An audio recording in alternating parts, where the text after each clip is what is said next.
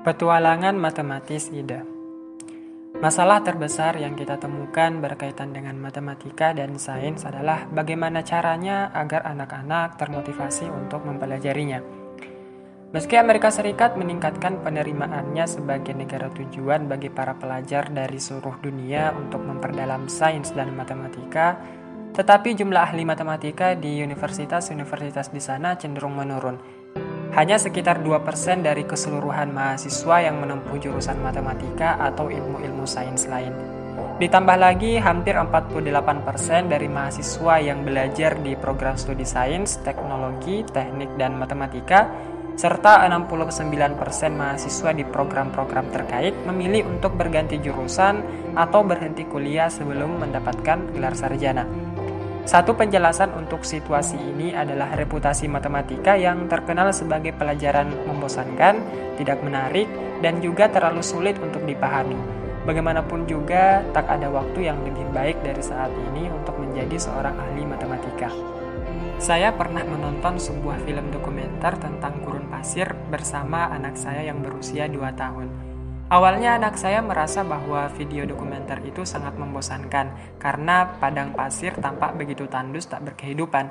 Tiba-tiba video itu mulai menampilkan sisi lain gurun yang tampak hidup dan penuh warna seperti oasis, kaktus beraneka ragam, serta hewan-hewan kecil yang hidup di sana. Anak saya sangat terkejut ketika melihat bahwa ternyata gurun dapat juga menampakkan begitu banyak warna, kehidupan, dan intrik. Hal ini lalu mengingatkan saya pada matematika.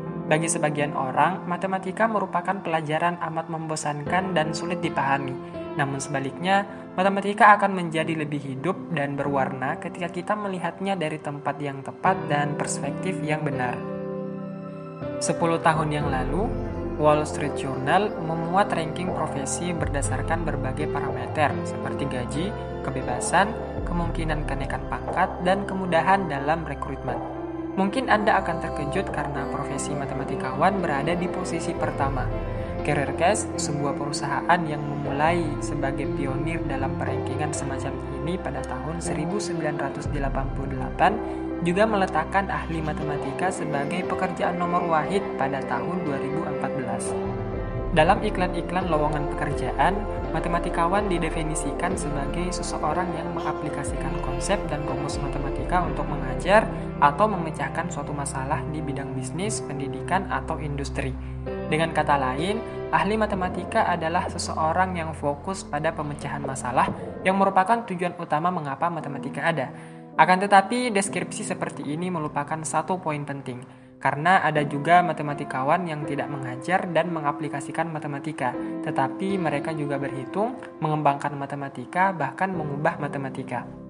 Jika memang matematikawan merupakan salah satu pekerjaan terbaik di dunia, lantas ada berapa ahli matematika di seluruh dunia?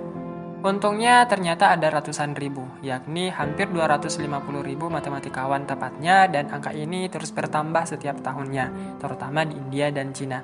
Dua negara ini mendorong generasi mudanya berpartisipasi dalam bidang STEM sejak usia dini dan sangat menekankan agar kegiatan belajar mengajar juga ikut menumbuhkan kecintaan anak-anak pada bidang STEM sejak usia sangat muda.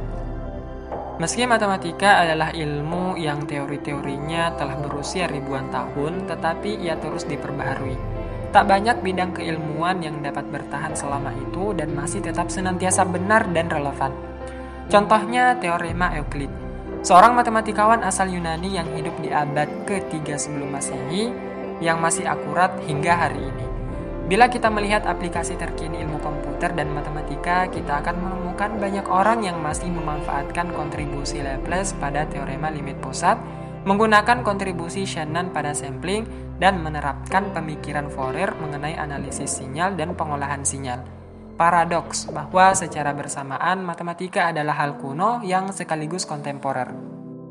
Pada tahun 2014, Emmanuel Candes dari Universitas Stanford menyampaikan sebuah pidato singkat tentang bagaimana ia berkolaborasi dengan petugas medis dan matematikawan memanfaatkan temuan Fourier dalam menganalisis dan memproses data agar waktu yang dibutuhkan untuk melakukan sebuah pemindaian atau scan dapat dikurangi. Mesin temuannya itu menjadi sebuah kemajuan penting bagi bidang medis. Dalam beberapa kali percobaan ditemukan bahwa untuk menghasilkan citra scan sangat akurat, Candace dan timnya hanya membutuhkan 2% transformasi Fourier. Mereka berhasil memangkas waktu yang dibutuhkan sebagai sebuah faktor dari 8 hanya dengan sebuah bagian kecil dari transformasi Fourier. Netflix juga menggunakan teknik semacam ini untuk merekonstruksi informasi yang hilang dan memprediksi preferensi film-film yang diinginkan pelanggannya. Kendati demikian, hidup seorang matematikawan tidak selalu penuh kesuksesan. Bidang ini penuh dengan ketidakpastian. Di dalamnya ada banyak masalah intens yang butuh waktu berminggu-minggu bahkan berbulan-bulan untuk dipecahkan, juga penantian panjang. Sebagian besar waktu para ahli matematika yang menjadi peneliti sering dihabiskan bersama kegagalan. Beginilah faktor objektifnya. Semboyang mereka, setiap hari adalah sebuah kegagalan. Inilah hidup kami. Namun saat kita melihat jumlah waktu yang dihabiskan hingga masalah-masalah itu terselesaikan, maka segalanya terasa setimpal. Setiap tahun sejumlah teorema matematika ditambahkan yang jumlahnya bisa mencapai ribuan. Sejatinya kegagalan mereka bukanlah kegagalan, tetapi lebih sebagai batu loncatan menuju kesuksesan. Masalah lain yang umum menimpa para matematikawan adalah mereka sangat diharapkan untuk bisa memprediksi apa yang akan terjadi jika penemuan mereka kemudian digunakan.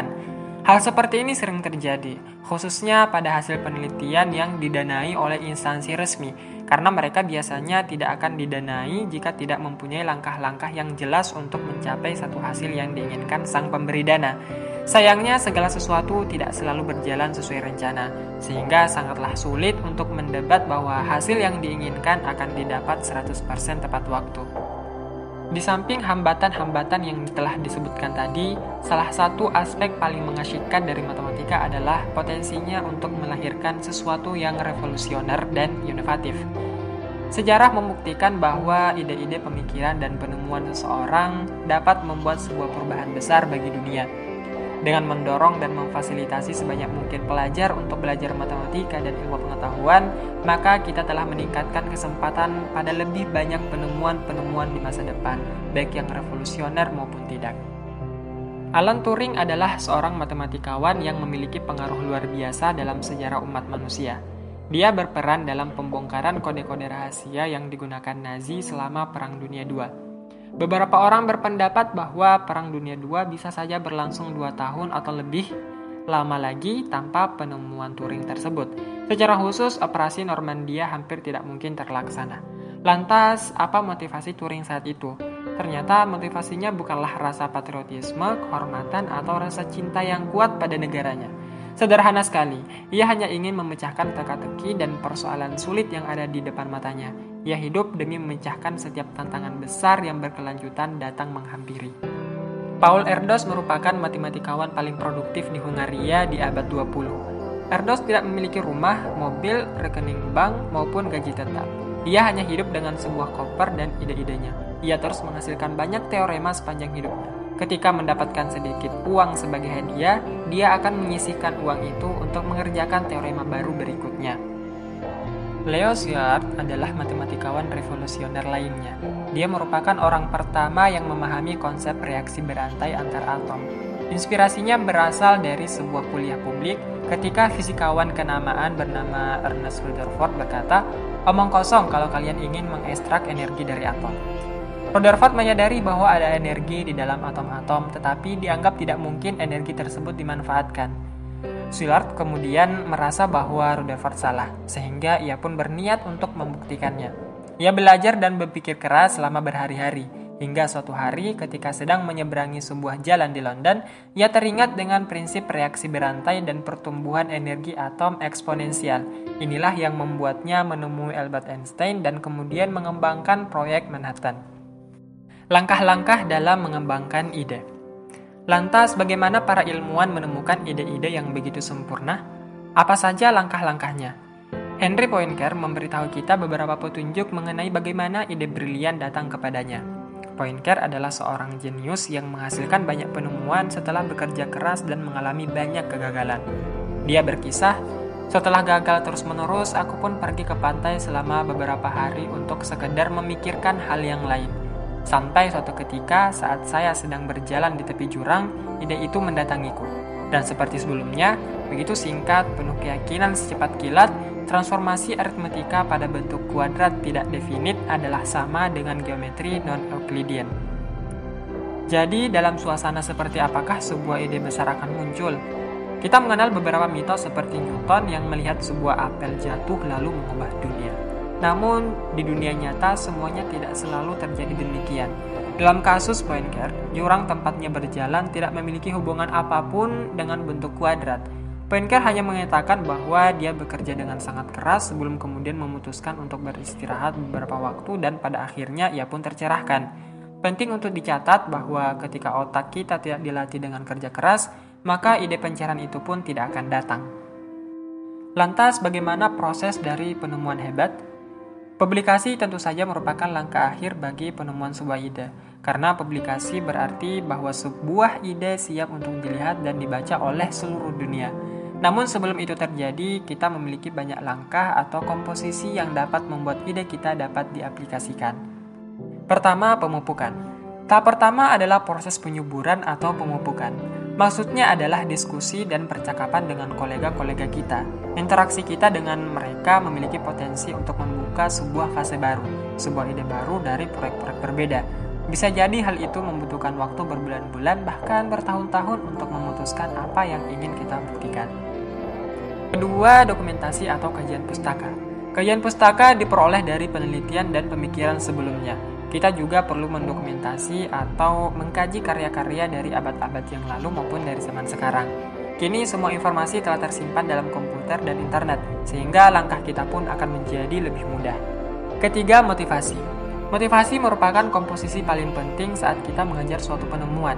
Banyak psikolog yang percaya bahwa pengalaman masa kecil berperan sangat besar dalam hal ini. Sebagai contohnya, baik Szilard ataupun Turing sangat terpengaruh oleh buku yang mereka baca sebelum pada akhirnya mereka menemukan ide-ide mereka. Bagi Turing, buku Natural Wonders Every Child Should Know adalah inspirasinya. Ketika saya kecil, saya menonton Donald in Magic Land dan berpendapat bahwa tontonan itu sangat menarik. Bisa jadi hal itu berperan penting dalam keputusan saya untuk menjadi seorang matematikawan. Keempat, ekosistem. Tidak ada penemuan atau pemikiran yang datang dengan sendirinya. Seorang ilmuwan tidak pernah hidup sendiri, terdapat ekosistem lengkap yang ada di sekitarnya. Misalnya saja pada sebuah titik dalam sejarah dikatakan bahwa Persepolis merupakan kota paling inovatif di dunia, kemudian Paris, lalu Budapest. Kini kita punya daerah Silicon Valley yang terkenal itu. Jika kita bekerja di sebuah laboratorium, maka kita membutuhkan sebuah atmosfer yang membuat orang-orang bisa berjumpa, berdiskusi, dan menjadi kreatif. Ide terbaik selalu datang dari kerja tim yang kompak. Kelima, rintangan. Komposisi lain yang kita butuhkan untuk sebuah ide cemerlang adalah rintangan-rintangan. Tanpa adanya kendala, maka menemukan satu pemikiran baru takkan sama dengan menemukannya bersama ribuan rintangan. Penemuan-penemuan berharga sering kali muncul bersama dengan rintangan-rintangannya. Salah satu permasalahan paling terkenal di bidang matematika adalah hipotesis Riemann yang telah diuji cobakan dalam ribuan kali eksperimen. Setelah uji coba tersebut, ternyata penyelesaiannya adalah berupa aturan-aturan logis yang ditemukan di balik banyak rintangan. Rintangan biasanya membantu kita melahirkan hasil otentik dan berkualitas artistik sebagaimana puisi berima indah. Keenam, intuisi. Intuisi biasanya datang bersama kerja keras, tetapi tidak mudah untuk memahami prosesnya. Di samping enam komposisi tersebut, nasib baik juga memiliki peran sangat penting adalah manusiawi jika hasil yang kita inginkan tidak kunjung datang walau kita telah melakukan segala yang dibutuhkan. Henry Poincare berujar, inspirasi ibarat hanya sebuah kilat di antara dua malam panjang, tetapi kilat itulah segalanya bagiku. Bisa jadi sebuah ide cemerlang terkadang membutuhkan kerja keras bertahun-tahun. Bahkan setelah berusaha sekuat tenaga pun pengetahuan kita hanya bagai pulau kecil di tengah samudera ketidaktahuan dan luas.